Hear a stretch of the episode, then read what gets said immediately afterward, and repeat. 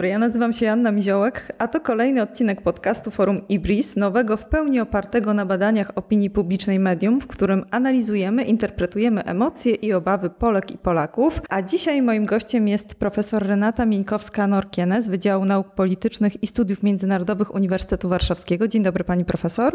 Dzień dobry pani redaktor, dzień dobry państwu. Chciałam, żebyśmy dzisiaj porozmawiali o tych emocjach piłkarskich, bo można już śmiało powiedzieć, że Euro 2020 jest za nami, przynajmniej za Polską. E, no i, mhm. Niestety.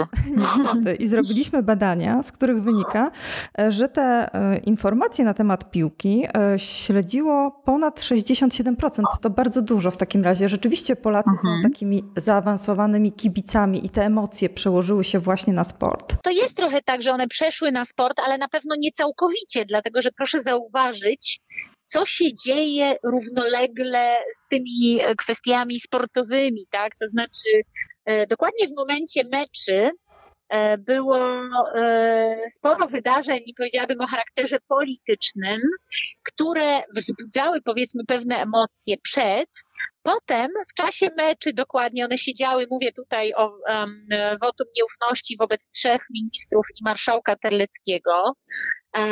I no, one wtedy nie wzbudziły chyba żadnych emocji, bo były trwały mecze.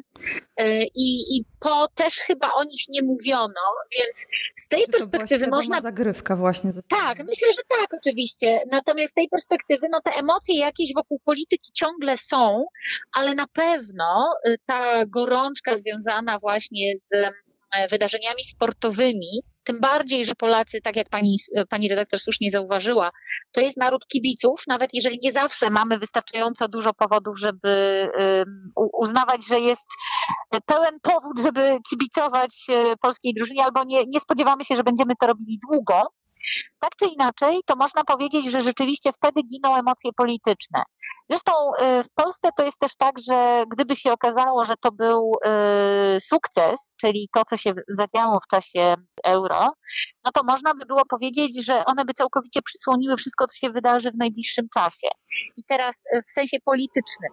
I teraz to, moim zdaniem z kolei, prawdopodobnie byłoby podstawą dla polityków, a zwłaszcza spin doktorów do tego, żeby inaczej planowali tę polityczną agendę. No bo jednak wtedy kiedy te emocje sportowe są na takim wysokim poziomie, to najprawdopodobniej e, mówi się albo robi się rzeczy, które są mniej popularne i mniej akceptowalne dla społeczeństwa, Natomiast unika się tego, co miałoby przynieść właśnie rozgłos, tak? Więc ja myślę, że te trudniejsze decyzje dla rządzących powinny były, po, powinny wtedy być jakoś tam podejmowane, bo nawet jeżeli dziennikarze o nich rozmawiają, to ludzie o nich nie czytają, nie czytają tytułów, nie czytają lidów. Natomiast y, już tym bardziej całych artykułów, natomiast no to się nie wydarzyło, więc ja podejrzewam, że w związku z tym, że trochę opadły te piłkarskie emocje, ludzie jednak w większej mierze wrócą do polityki niż gdyby euro ciągle trwało z udziałem Polaków. Czyli Także... to, że Polacy przegrali na euro, to znaczy już e, zakończyli swoją piłkarską działalność, może zaszkodzić właśnie teraz e, partii rządzącej najbardziej. Znaczy, czy to jest trochę tak, że nastroje Polaków też się przenoszą na polityków e, w związku z tym, że no nasza reprezentacja tak zagrała, jak zagrała i myślą sobie, a to wina rządzących. Czy tak może być? Jakieś sympatie się przerzucają wtedy? Nie, pani redaktor, znaczy mi się wydaje, że no, raczej się tych rządzących nie obwinia, chociaż jest parę kwestii, które w przypadku Polski były lekko y, medialnie wykorzystywane przez niechętnych rządowi.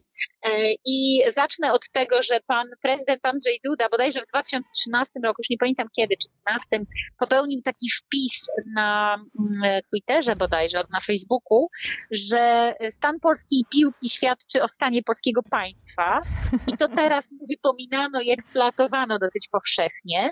A druga rzecz jest taka, że w zestawieniu różnych E, grup e, teraz z euro, nie wiem czy Państwo to zauważyli, Polska, Węgry, Turcja i Rosja są na ostatnich miejscach w swoich grupach, czy były na ostatnich miejscach w swoich grupach, e, przynajmniej wtedy według tego zestawienia.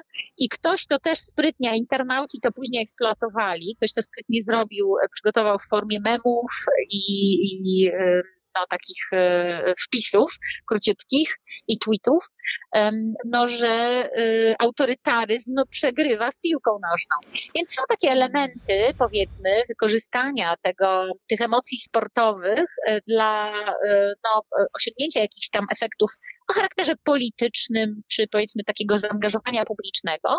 Natomiast ja nie sądzę, żeby to tak się zero-jedynkowo przekładało, tak? Czyli dobrze sobie radzi polska, polska piłka, to dobrze świadczy o rządzących. Natomiast czymś innym jest oczywiście poziom frustracji. To już nie tyle jest z nauk politycznych, co bardziej z zakresu psychologii społecznej pewnie uwaga. Mianowicie to jest tak, że rzeczywiście, jeżeli jest pewien, pewna frustracja tym, jak sobie radzą nasi sportowcy, a zwłaszcza w piłce nożnej to jest istotne, ponieważ oni no, jednak zarabiają dosyć duże pieniądze, to są też gwiazdy, więc wokół tego też pojawia się i wokół tej frustracji pojawia się taka, taki efekt spillover, takiego rozlania się tej frustracji na inne obszary w ogóle funkcjonowania ludzi. I wtedy pojawia się też, przejawia się też taka frustracja w ogóle wszystkim, co, y, co złe, albo co gdzieś nie domaga, albo coś nie do końca sprawiedliwe. Ja też się spotkałam z wieloma takimi reakcjami w rodzaju e, dużo zarabiają, e, czasami też wręcz niemoralnie dużo, a proszę bardzo, mają takie słabe wyniki, tak? Więc co to znaczy? To znaczy, że y, no, jest niesprawiedliwość na tym świecie. Z politykami jest tak samo, tak? Dużo zarabiają, a niewiele robią, albo nie starają się dla nas, dla kibiców, dla Polaków. Jeszcze jest jeden taki ciekawy efekt też, że mm, na przykład no, uderza to jakoś tak w takie, powiedziałabym, e, w kapitalizm, czy w takie E, gospodarcze nawet aspekty poglądów politycznych, no bo wiadomo, że gospodarka jest, czy ma jakiś tam istotny udział, na przykład, no nie wiem, ludzie o poglądach lewicowych, tak, są mocno antykapitalistyczni, powiedzmy, wiadomo, że chcą, nie wiem, wyższego opodatkowania, większego progresywizmu i tak dalej.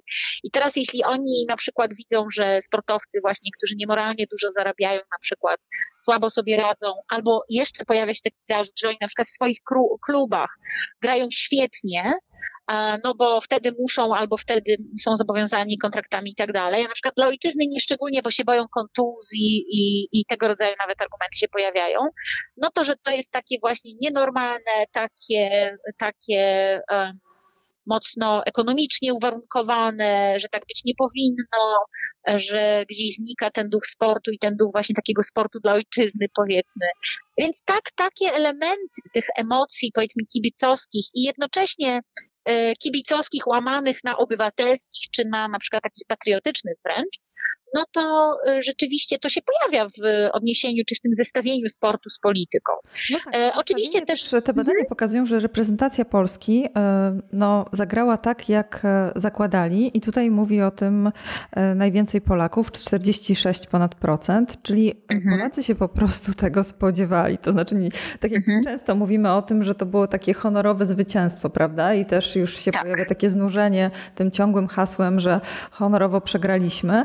E, to trochę pokazuje, że my nie mamy chyba za dużych oczekiwań wobec tej polskiej reprezentacji, wobec piłki, mhm. ale mimo wszystko cały czas Polacy deklarują, że chętnie będą kolejne e, Mistrzostwa Świata, na przykład w 2022 roku, oglądać i pozytywnie na to odpowiada aż 80%, więc mimo tego, że nie mamy wiary w zwycięstwo, mhm. to i tak cały czas jesteśmy tym zainteresowani.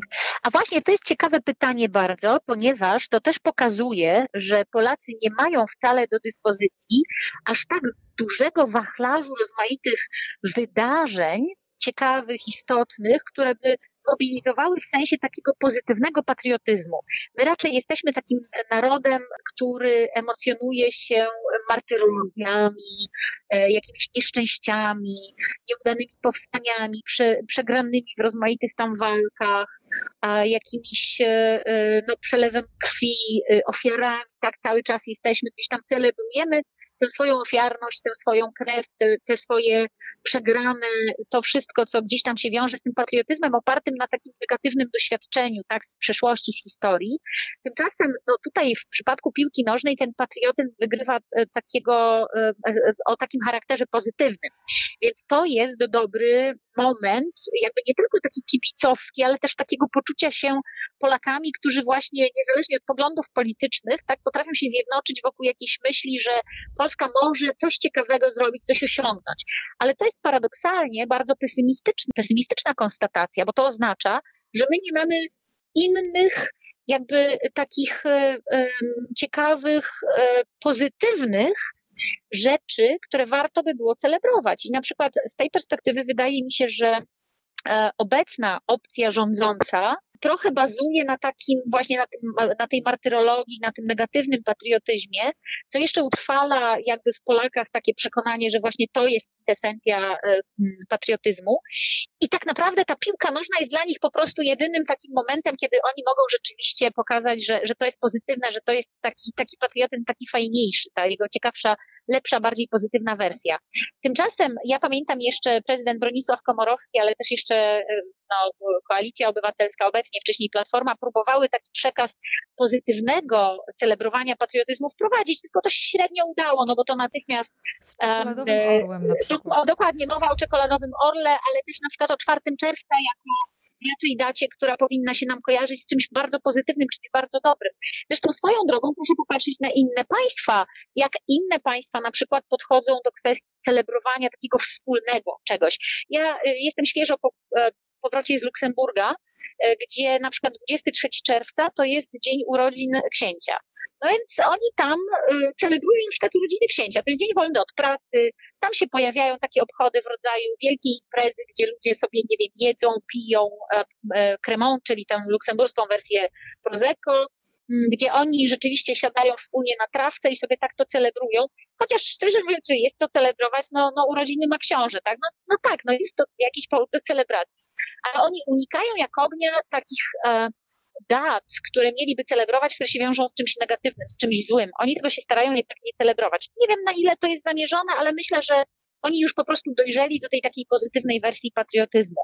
U nas właśnie dlatego wydaje mi się też ta piłka nożna tak mocno porusza w takim sensie patriotycznym, chociaż no, ja sama tę tezę trochę ukułam teraz na potrzeby e, te, tej wypowiedzi, ale wydaje mi się, że ona ma wiele, wiele prawdy w sobie, ponieważ no, nie ma wiele takich okazji, a przynajmniej w żaden sposób politycy się nie spróbowali jakby e, poważnie pochylić nad tym, żeby Polaków jednoczyć wokół czegoś pozytywnego. No była próba wokół 4 czerwca, bo to jest niewątpliwy sukces, ale natychmiast wtedy się pojawiają malkontenci, jakieś takie głosy, że nie wiadomo, czy ta transformacja to rzeczywiście była taka udana i tak dalej, i nawet z lewej strony sceny politycznej. Więc my jeszcze nie zbudowaliśmy sobie czegoś takiego pozytywnego, co by mogło równie mocno jak piłka nożna dawać nam takie poczucie, że jesteśmy Polakami niezależnie od opcji politycznej, że, że na, ten, na ten moment zasypujemy wszystkie rowy e, polityczne, bo jakby liczy się e, to coś, to, to, to coś pozytywnego, to coś fajnego. No i tu jest pies pogrzebany, bo w związku z tym, że, że nie ma alternatywy, to piłka też jednoczy właśnie i porusza też te emocje takie o charakterze trochę obywatelskim, politycznym, patriotycznym. No i to z kolei przykry, przykrywa wszystko inne, czym moglibyśmy się ewentualnie emocjonować w polityce, a nade wszystko po prostu no, absorbuje ten, ten nasz czas. Tak? Dlatego nam ta piłka też jest tak bardzo potrzebna, nawet jeżeli ta nasza reprezentacja systematycznie przegrywa. No bo ciągle mamy nadzieję, że jednak to będzie ten moment, który nas tam gdzieś zjednoczy. Przecież nie chodzi tylko o samą piłkę, bo gdyby tylko o piłkę chodziło, no to powinniśmy po prostu skazywać od razu tych Polaków na straty i jakoś się szczególnie tym nie emocjonować i nie mieć też tych wielkich nadziei. Te nadzieje zawierają w sobie po prostu dużo więcej. Pani profesor mówiła o tym, że e, jest u nas taka frustracja, że dla swoich klubów ci piłkarze grają e, bardzo dobrze, natomiast kiedy wychodzą właśnie na boisko i mają dla nas zagrać, to wtedy okazuje się, e, że to już nie jest tak kolorowo. No i taki przypadek był w tym pierwszym meczu Polska-Słowacja. Te wszystkie wpisy, mhm. które pojawiły się w internecie na temat Roberta Lewandowskiego, też były takie pokazujące, że mhm. nie chce, że on nie ma komu podawać tej piłki. A już w kolejnym meczu, i ten mecz zresztą został źle oceniony przez większość e, Polaków, natomiast mhm. mecz z Hiszpanią, gdzie już był ten remis, no to suma odpowiedzi pozytywnych to 83. I ten Robert Lewandowski, który już po prostu tak. urósł do jakiegoś boga, guru e, piłki nożnej tak. i też w tych badaniach pokazuje, e, te badania pokazują to, że Robert Lewandowski jest jednak najbardziej pozytywnie postrzegany mimo wszystko przez Polaków, mimo tego, że my z tego mhm. euro odpadliśmy. No, pani redaktor, to jakby jest pytanie już nie tyle politologiczne, co bardziej z zakresu gdzieś tam takiego y, pewnie analizy biznesu, no bo jednak Robert Lewandowski jest po prostu marką, tak? On jest marką, on jest też produktem, on jest też y, sam biznesmenem. Ale, ale no jest też dobrym sportowcem nade wszystko. Więc wydaje mi się, że w ogóle sama osoba i to sposób postrzegania Roberta Lewandowskiego, ja bym tego tak mocno nie wiązała w kontekście akurat tych mistrzostw, powiedzmy, z polityką, bardziej z tym, że właśnie mamy takie przeświadczenie po jakiejś wygranej, tak, że on się właśnie oderwał od tego swojego takiego biznesowego, powiedzmy, tej swojej biznesowej konotacji, z tego swojego e, interesu wąsko rozumianego, e, że wyszedł jakby szerzej tak na ten interes Polski, tak, czy polskiej reprezentacji. Oczywiście, że on sam też nie jest y, w stanie pociągnąć całej drużyny, tak, no tam jest jednak, pamiętajmy, 11 osób, tak, i sam Lewandowski też tego nie, nie pociągnie.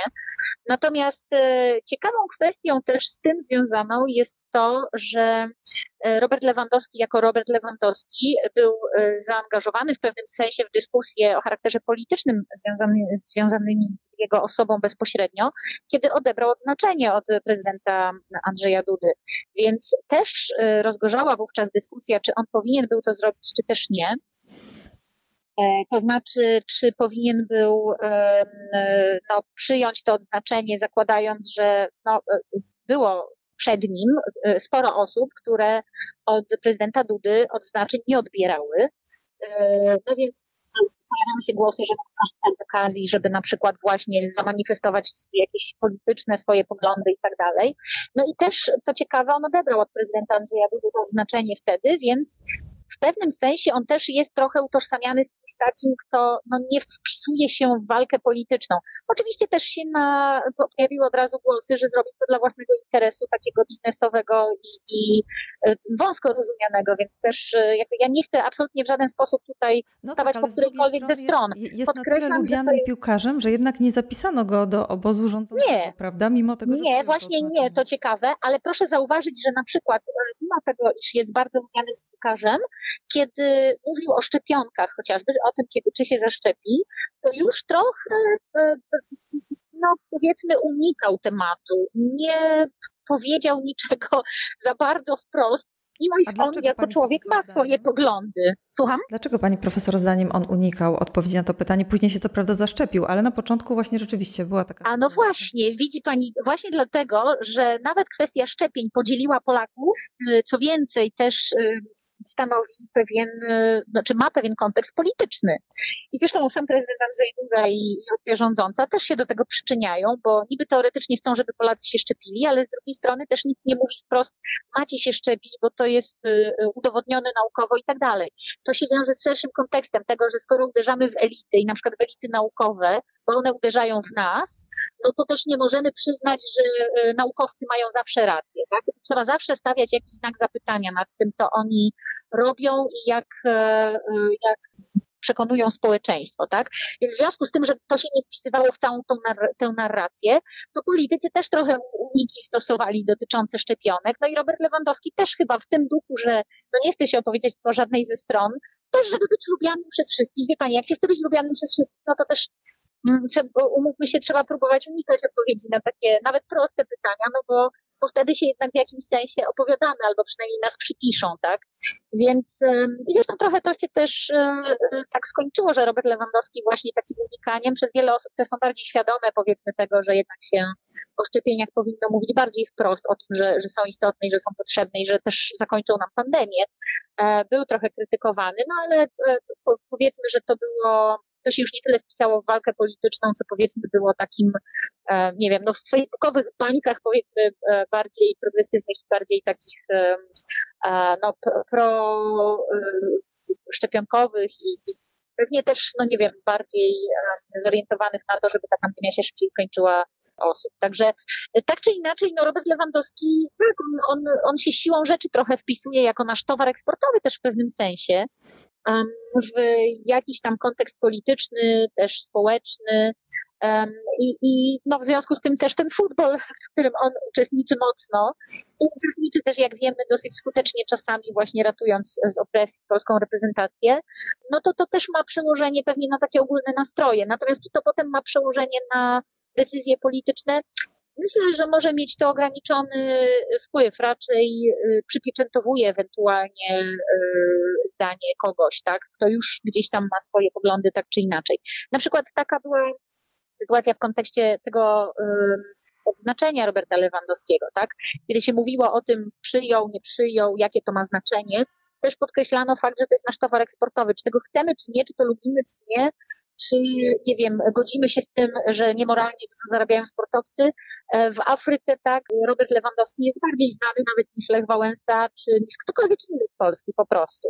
W związku z czym, no, prawdopodobnie to też ma jakieś tam znaczenie dla traktowania go być może trochę bardziej, trochę na wyrost nawet jako osoby istotnej też z perspektywy politycznej, niż pewnie na to by zasługiwał, albo niż co najważniejsze sam by tego chciał. Reprezentacja Polski odpada w tej fazie e, grupowej na początku, no i e, wszyscy się zastanawiają, jakie uczucia e, towarzyszą Polakom i okazuje się, że w większości, bo aż 27%, czyli najwięcej z tych wszystkich uczuć, które tam były wskazane, no to ludzie wskazywali na smutek, że jest im po prostu smutno. Jak długo ten smutek i ten nastrój, pani profesor, zdaniem będzie trwał i czy to rzeczywiście jest tak, że oni po tych mistrzostwach tak to przeżywają, czy raczej oni sobie myślą, no, mhm. jesteśmy rozczarowani, ale mimo wszystko było trochę adrenaliny, emocji, więc też trochę takich pozytywnych emocji do tego doszło. No pani redaktor, to ja tu wrócę chyba do tego, e, od czego wyszłam, czyli do tego, że skoro ta piłka nożna jest takim jednym z bardzo nielicznych tych naszych momentów, kiedy możemy powiedzieć Polska jest wielka, Polska jest świetna, co więcej, ja tu e, naprawdę teraz um, dokonam takiego trochę coming outu, ale jednak jakby po pierwsze powinnam zaznaczyć, że ja w ogóle nieszczególnie się interesuję piłką nożną, ale interesuję się tyle, ile pewnie statystyczny Polak, który właśnie ma zawsze nadzieję, że polska reprezentacja wygra. Ja raczej jestem y, y, samką siatkówki, ewentualnie koszykówki. Natomiast y, coming outu dokonam takiego. Moim zdaniem polska dyplomacja, dyplomacja publiczna, i w ogóle wizerunek Polski w świecie, czyli marka polska w tej chwili mocno straciła. E, w tej chwili, to znaczy właśnie od 2015 roku, mówię to jako politolożka, ponieważ wiem, jak to wygląda z perspektywy naszych relacji z rozmaitymi partnerami za granicą. Um, mówię tutaj o różnych państwach, łącznie z takimi, których uważaliśmy za sojuszników, jak chociażby Stany Zjednoczone, czy organizacjami takimi jak właśnie Unia Europejska, czy, czy NATO, systematycznie podkopiemy swoją pozycję właśnie w tych e, instytucjach, też tracimy wizerunkowo w oczach nawet innych państw, bo jest wiele państw, które traktują Polskę pobłażliwie, albo z, już teraz to nawet jako kogoś, kto no po prostu jest, bo jest, bo musi być, ale niekoniecznie jest to ktoś, na kim e, ma spocząć na przykład nasza jakaś tam, czy element chociażby strategii polityki zagranicznej. Mówię tutaj o państwach Grupy Wyszehradzkiej, która gdzieś tam na Polskę też jest trochę skazana, ale, ale pomimo iż my wyolbrzymiamy znaczenie Grupy Wyszehradzkiej, ale jednak to często jest tak, że nieszczególnie te kraje na przykład akceptują polskie samozwańcze liderowanie tej, w tej grupie. Poza tym no przykład Turowa, czy chociażby też na głosowań niektórych w, w instytucjach nie wiem, Węgier czy Słowacji pokazują, że wcale jedność Grupy Wyszehradzkiej nie jest pewna. Natomiast dlaczego o tym mówię? Dlatego, że taki zły, czy słaby, czy no powiedzmy, że niezbyt dobry, niezbyt pozytywny wizerunek Polski za granicą też zawsze wskazuje osoby, które są rozpoznawalne z Polski, a jeszcze od czasu do czasu odnoszą sukcesy, na branie na siebie takiego brzemienia odpowiedzialności, które jest e, jakby mocno nadwyżkowe, to znaczy ono nie powinno być aż tak duże, ale jednak jest. I w związku z tym ta polska reprezentacja no, też została obciążona ogromnymi nadziejami, takim potencjałem trochę poprawy tego polskiego wizerunku, o chociaż w piłce nożnej jesteśmy nieźli. No i w momencie, kiedy tracimy to, no to ten smutek jest dojmujący, bo to jest jedna z tak nielicznych e, kwestii, tak, w których mogliśmy zaznaczyć tę swoją obecność, tę swoją, nie wiem, moc, pozycję i też ten swój wizerunek, tak. No i w związku z tym wydaje mi się, że ten smutek jest tu w dużej mierze też e, taki trochę łączący nie tylko taką czystą piłkarską emocję, ale właśnie też taką emocję w ogóle porażki jako takiej, ale też właśnie tego, że i znowu pokazaliśmy, że nie jesteśmy tacy fajni, że nie jesteśmy tacy mocni, że nawet w tym, gdzie też powiedzmy pokładają państwa z zewnątrz jakieś tam a może Polacy tym razem coś pokażą, w końcu mają Lewandowskiego, a jednak znowu się nie udało, więc to łączy znacznie więcej niż w tradycyjnym, powiedzmy, sporcie, który nie jest tym obciążony. Ja mogę pani powiedzieć, że na przykład, kiedy w 2004 roku pojechałam na Litwę i Litwini wtedy wygrali Mistrzostwa Europy w kosza, to, co się tam działo, ja akurat wtedy pracowałam w akademikach, wyrzucano telewizory, lodówki przez okna z radości. Ja byłam zaskoczona. To, tak, to były jeszcze takie czasy. Już teraz to na szczęście jest nieaktualne, studenci się zachowują inaczej. Ale wtedy to naprawdę tak wyglądało. Oni byli naprawdę przeszczęśliwi. Pamiętam, kiedy potem Litwini przegrali, odpadli w jakiś e, mistrzostw, to było tak, że oni naprawdę pochodzili z nosem na klinkę może przez godzinę, ale potem to sobie natychmiast zracjonalizowali, bo to były czasy, kiedy oni świeżo weszli do Unii Europejskiej, oni wtedy byli pełni nadziei, że w ogóle będzie dużo się zmieniać i gospodarczo, i kulturowo, i rozmaicie, że ich los się w ogóle poprawi. Kiedy oni byli tacy pełni nadziei, a też było coś w rękach, co mieli, co dawało im absolutną podstawę, żeby tak sądzić, to te emocje piłkarskie naprawdę nie, były przeżywane jakoś tak straszliwie, te negatywne oczywiście, tak straszliwie długo i tego naprawdę długo nie rozpamiętywano. Po prostu tak zajęto się innymi sprawami. Rozpamiętywać i będziemy zajmować się innymi sprawami, no bo tak, e, przynajmniej gdzieś tam w tych zakażeniach, powiedzmy, jest ich coraz mniej, chociaż są, pojawiają się oczywiście nowe warianty, chociażby ten delta i nadal ta epidemia jest wśród mhm. nas, no ale e, jest ileś osób zaszczepionych, są urlopy, tak. skończyły się lockdowny, czy ludzie teraz, mhm. jakie oni mają teraz nastroje? Czy oni żyją nadzieją na to wyjście i tak naprawdę trochę w takim poczuciu, że dosyć długo siedzieli w domach, jakby e, czuli mhm. się jak na jakiejś takiej wojnie, na wojnie z wirusem i raptem chcą korzystać na całego z tego życia i właśnie te takie małe smutki to odchodzą szybko w niepamięć? A to jest też ciekawe pytanie. Pani reprezentuje właściwie instytucję, która się zajmuje badaniem, więc pani być może nawet, Państwo mają być może nawet e, lepsze informacje na ten temat, ale ja akurat zupełnie niedawno czytałam wyniki badań Eurobarometru na ten temat i tego, jakie są nastroje Europejczyków i w tym Polaków oczywiście, bo Eurobarometr też bada Polaków i, i zawsze ich analizuje też jako oddzielną grupę. I to jest ciekawe, bo powoli rzeczywiście pojawia się nastrój e, nadziei i taki, takiego pozytywnego postrzegania przyszłości. Natomiast on nie jest e, takim dominującym, powiedziałabym. Jednak ludzie generalnie się koncentrują teraz na sprzątaniu po burzy. I to, I to jest tak, że y, pokładają nadzieję w państwach swoich, powiedzmy w państwach, w rządach państw członkowskich, ale też w samej Unii Europejskiej. Co więcej, nawet jest większe zaufanie, wyższe zaufanie do Unii Europejskiej, że ona wspomoże ten proces y, radzenia sobie ze skutkami pandemii.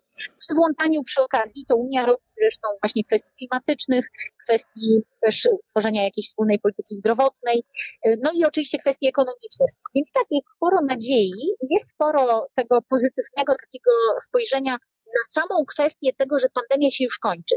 Ale proszę jednocześnie popatrzeć, że jest zróżnicowanie, jeśli chodzi o to, jak y, ufamy, że na przykład nasz rząd nam pomoże w wyjściu z, ze skutków pandemii, powiedzmy tych negatywnych. I tutaj w przypadku Polski jest mniejsza ufność wobec polskiego rządu niż wobec Unii Europejskiej, co więcej jest większa nieufność niż ufność. I to też jest ciekawe, bo to pokazuje, że y, mamy nadzieję, że ogólna sytuacja się poprawi, no bo tak, szczepienia i tak dalej, ale już, żeby, ufać sprawczości rządu, to niekoniecznie. Bardziej już nawet Unii Europejskiej. Natomiast jest jeszcze jeden aspekt, który dotyczy tej nadziei. Tak, my wszyscy mamy nadzieję, że wyjdziemy z tego, ale jednocześnie na przykład antyszczepionkowcy w ogóle nie podejmują odpowiedzialności za to, że mamy wyjść wspólnie z pandemii, e, a jest ich sporo i też mają sporą siłę wpływu, to też jest dosyć zaskakujące, ale jednak. No i pojawia się też pytanie właśnie, to zniżenie pogłębi, mimo iż wszyscy mamy nadzieję, znowu takiego dyskursu, ale to już jakby post kto jest odpowiedzialny za e, pandemię, potem czy wystarczająco dużo zrobiono, żeby wyjść z pandemii, i potem właśnie, czy zrobił to rząd, czy to zrobili sami ludzie własnymi siłami, bo jednak to był ogromny wysiłek też społeczeństwa, która część y, się do tego nie przyczyniła wystarczająco. Podejrzewam, że znowu się zacznie jakieś takie y, dosyć typowe dla Polaków zresztą takie przerzucanie się odpowiedzialnością, takie rozliczanie. Zobaczymy jeszcze, jak nam się uda wyjść z pandemii, bo też pamiętajmy, że to jest dopiero proces, który się zaczyna a jeszcze mamy przed sobą dosyć sporo, tak? Na pewno myślę, że y, może być efekt w postaci zwiększonej konsumpcji tylko ona z kolei napędzi inflację, więc znowu pojawia się pytanie, co się tam dalej zadzieje, tak? Czy nie pojawi się frustracja związana ze wzrostem cen. Natomiast ten wzrost konsumpcji, mówię tutaj oczywiście o powrocie do podróży na przykład, do, um, do wydawania też pieniędzy na trochę inne niż wcześniej, e, niż w czasie pandemii, tak, e, produkty czy usługi, no bo wiadomo, że wrócimy do hoteli pewnie, do restauracji, do e, kin i tak dalej. Więc na pewno też, jeżeli jest kontakt z kulturą ludzi, taki bezpośredni, kontakt z no to też wzrasta poczucie szczęścia, wzrasta poczucie z życia. Więc te kwestie na pewno, ale to znowu bardziej psychologia społeczna niż politologia to też na pewno będzie miało jakieś tam przełożenie na pozytywne emocje. No, Natomiast wkraczamy w sezon ogórkowy, to tylko jeszcze ostatnie zdanie, i, czyli w sezon letni, kiedy w ogóle polityka ma trochę zamiera. Pojawia się pytanie, co zrobią polscy rządzący, czy na przykład e, nie wykorzystają tego do przygotowania się do przyspieszonych wyborów, chociaż ja uważam, że Jarosław Kaczyński próbuje ich uniknąć jak ognia. E, czy to nie będzie też e, taki okres, kiedy, kiedy politycy na przykład, no nie wiem, wejdą w stan uśpienia i na przykład przegapią jakieś decyzje właśnie choćby Kaczyńskiego albo nie wiem, jakichś tam pojedynczych osób, które mogą trochę no, przynieść zamieszania na, na scenie politycznej, no to się dopiero okaże. Ja myślę, że politycy nie powinni w każdym razie teraz e, zasypiać gruszek w popiele i nie powinni um, udawać, że, że jakby polityki nie ma w wakacje, bo, bo, bo to jest złe podejście do sprawy. Ja pamiętam rząd Donalda Tuska i jego taką um, strategię na te wakacje, że jednak w wakacje trzeba dać ludziom od siebie odpocząć, że oni nie, nie można ich za bardzo opatować polityką. E, no, a tutaj jest jeszcze dodatkowa sytuacja, o której pani profesor mówi, czyli że ludzie teraz są tacy wygłodniali właśnie spotkań towarzyskich, podróży. Tak. E, tego, żeby pójść sobie gdzieś chociażby do kina, do restauracji. E, oni się chyba dzisiaj rzeczywiście tym zajmują, ale gdzieś tam w tle Prawo i Sprawiedliwość nam dostarcza tylu tych emocji partia rządząca, no bo i przed chwilą ta afera mailowa i teraz okazuje się konflikt dyplomatyczny z Izraelem. Czy to wszystko tak. do ludzi dzisiaj dociera? Jakie są nastroje Polaków? Czy ich po prostu ta polityka obchodzi? No nieszczególnie dociera. To znaczy dociera oczywiście do publicystów, dociera do tych bardziej, powiedziałabym, aktywistów, politycznych baniek e, w rozmaitych mediach, tak, Twitter wrze, powiedzmy na Facebooku też sporo jest dyskusji, tylko proszę pamiętać, to pani chyba wie nawet lepiej niż ja, no, z racji na, na instytucję, którą pani reprezentuje, że jednak e, Twitter to jest stanowczo nie Polska, tak, no na Twitterze jest e, jakaś tam wymiana poglądów między publicystami, politykami i ewentualnie jakąś tam wąską garstką aktywistów, ale nieszczególnie to y, odzwierciedla jakiekolwiek nastroje społeczne, o czym często politycy, a zwłaszcza po stronie opozycyjnej zapominają bo im się wydaje, że jak wyrazili swój sprzeciw wobec czegoś tam na Twitterze, tak, albo konferencję prasową w czasie, kiedy nikt tego i tak nie ogląda, to to, to jest y, y, coś, co, co nagle zmieni y, kolej rzeczy. Otóż nie. Natomiast rzeczywiście jest tak, że w wakacje jest znacznie mniejsze zainteresowanie polityką i to jest moment dla polityków, żeby robić ruchy strategiczne, ale nie żeby angażować społeczeństwo w cokolwiek, bo to się może po prostu właśnie skończyć brakiem zainteresowania. To, że partia rządząca nam dostarczy emocji, tak, ona dostarczy emocji, tylko znowu, kto się emocjonuje? No nie emocjonuje się um, twardy elektorat partii rządzącej. Po pierwsze dlatego, że to są ludzie, którzy już też pewnie wyszli na, na grill albo są już przekonani, więc jakby ich, ich poglądów prawdopodobnie nie zmienią tego typu sytuacje. Natomiast e, jeśli chodzi o pozostałą część społeczeństwa, no to tutaj po pierwsze, to też jest część, która jest mocno zróżnicowana, więc tam są też ludzie, którzy wyjeżdżają na wakacje, którzy się nie, nie szczególnie interesują polityką, e, wiedzą, że na przykład są antypis. No i jest ta część, która się powiedzmy interesuje, ale wakacje to tak jak mówię, to jest też moment, kiedy oni finalizują jakieś tam swoje e, duże projekty albo mniejsze projekty e, przed wakacjami, a potem wakacje po prostu wyjeżdżają, więc też nie przykładałabym jakiejś wielkiej wagi do tego, do tych dyskusji takich publicystycznych wokół afery mailowej. Poza tym proszę zauważyć, że PiS miał, ma, ma na swoim sumieniu mnóstwo afer i to dużo istotniejszych niż ta, e, więc i, i uchodziły im na sucho. Nie jest to partia, co prawda, teflonowa, ale to nie te kwestie zdecydują.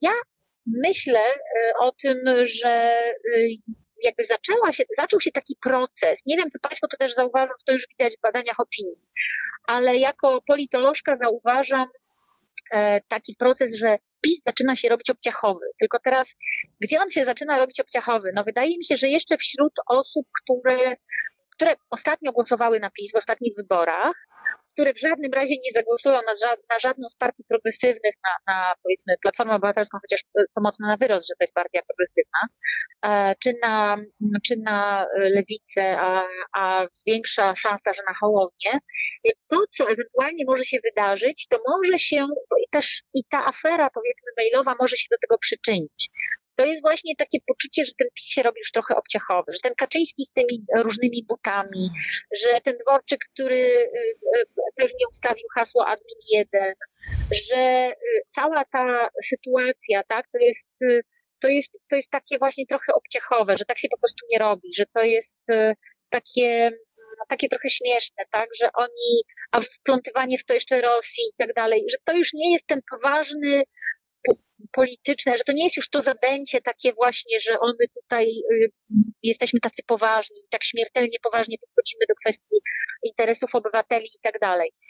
To może zacząć następować i wakacje mogą się temu paradoksalnie y, przysłużyć. To znaczy, no w wakacje w ogóle jesteśmy tacy bardziej wyluzowani, więc może bardziej działają memy niż na przykład jakieś takie powiedzmy przekazy TVP Info. No i to może rzeczywiście mieć znaczenie w te wakacje, natomiast nie sądzę, żeby, żeby miało wielkie znaczenie to, na ile są rozmukiwane jakieś tam um, afery pisowskie. To ma pewnie znaczenie dla nas publicystów, być może to y, i politologów, i analityków, być może to jakoś wykorzystamy też w swoich pracach, nie wiem, badawczych, może to wróci we wrześniu, w październiku, ale wtedy ludzie będą z kolei zajęci powrotem do normalności po pandemii, dziećmi też w szkołach, jak w ogóle co się będzie działo w tych szkołach e, i tak dalej. Więc to niekoniecznie musi się zaraz przełożyć na zainteresowanie polityką. Czyli podsumowując, w ostatnich tygodniach polityka zeszła na dalszy plan. E, no a tym, na tym głównym planie był sport. E, no i mimo tego, że jednak jest nam bardzo przykro z powodu tego, że nasza reprezentacja odpadła, to jednak te emocje były żywe i też nam czegoś takiego chyba pozytywnego dostarczyły. Profesor Renata Mińkowska-Norkiene z Wydziału Nauk Politycznych i Studiów Międzynarodowych Uniwersytetu Uniwersytetu Warszawskiego była gościem podcastu Ibris. Dziękuję serdecznie pani profesor. Dziękuję bardzo za zaproszenie, dziękuję Państwu za wysłuchanie.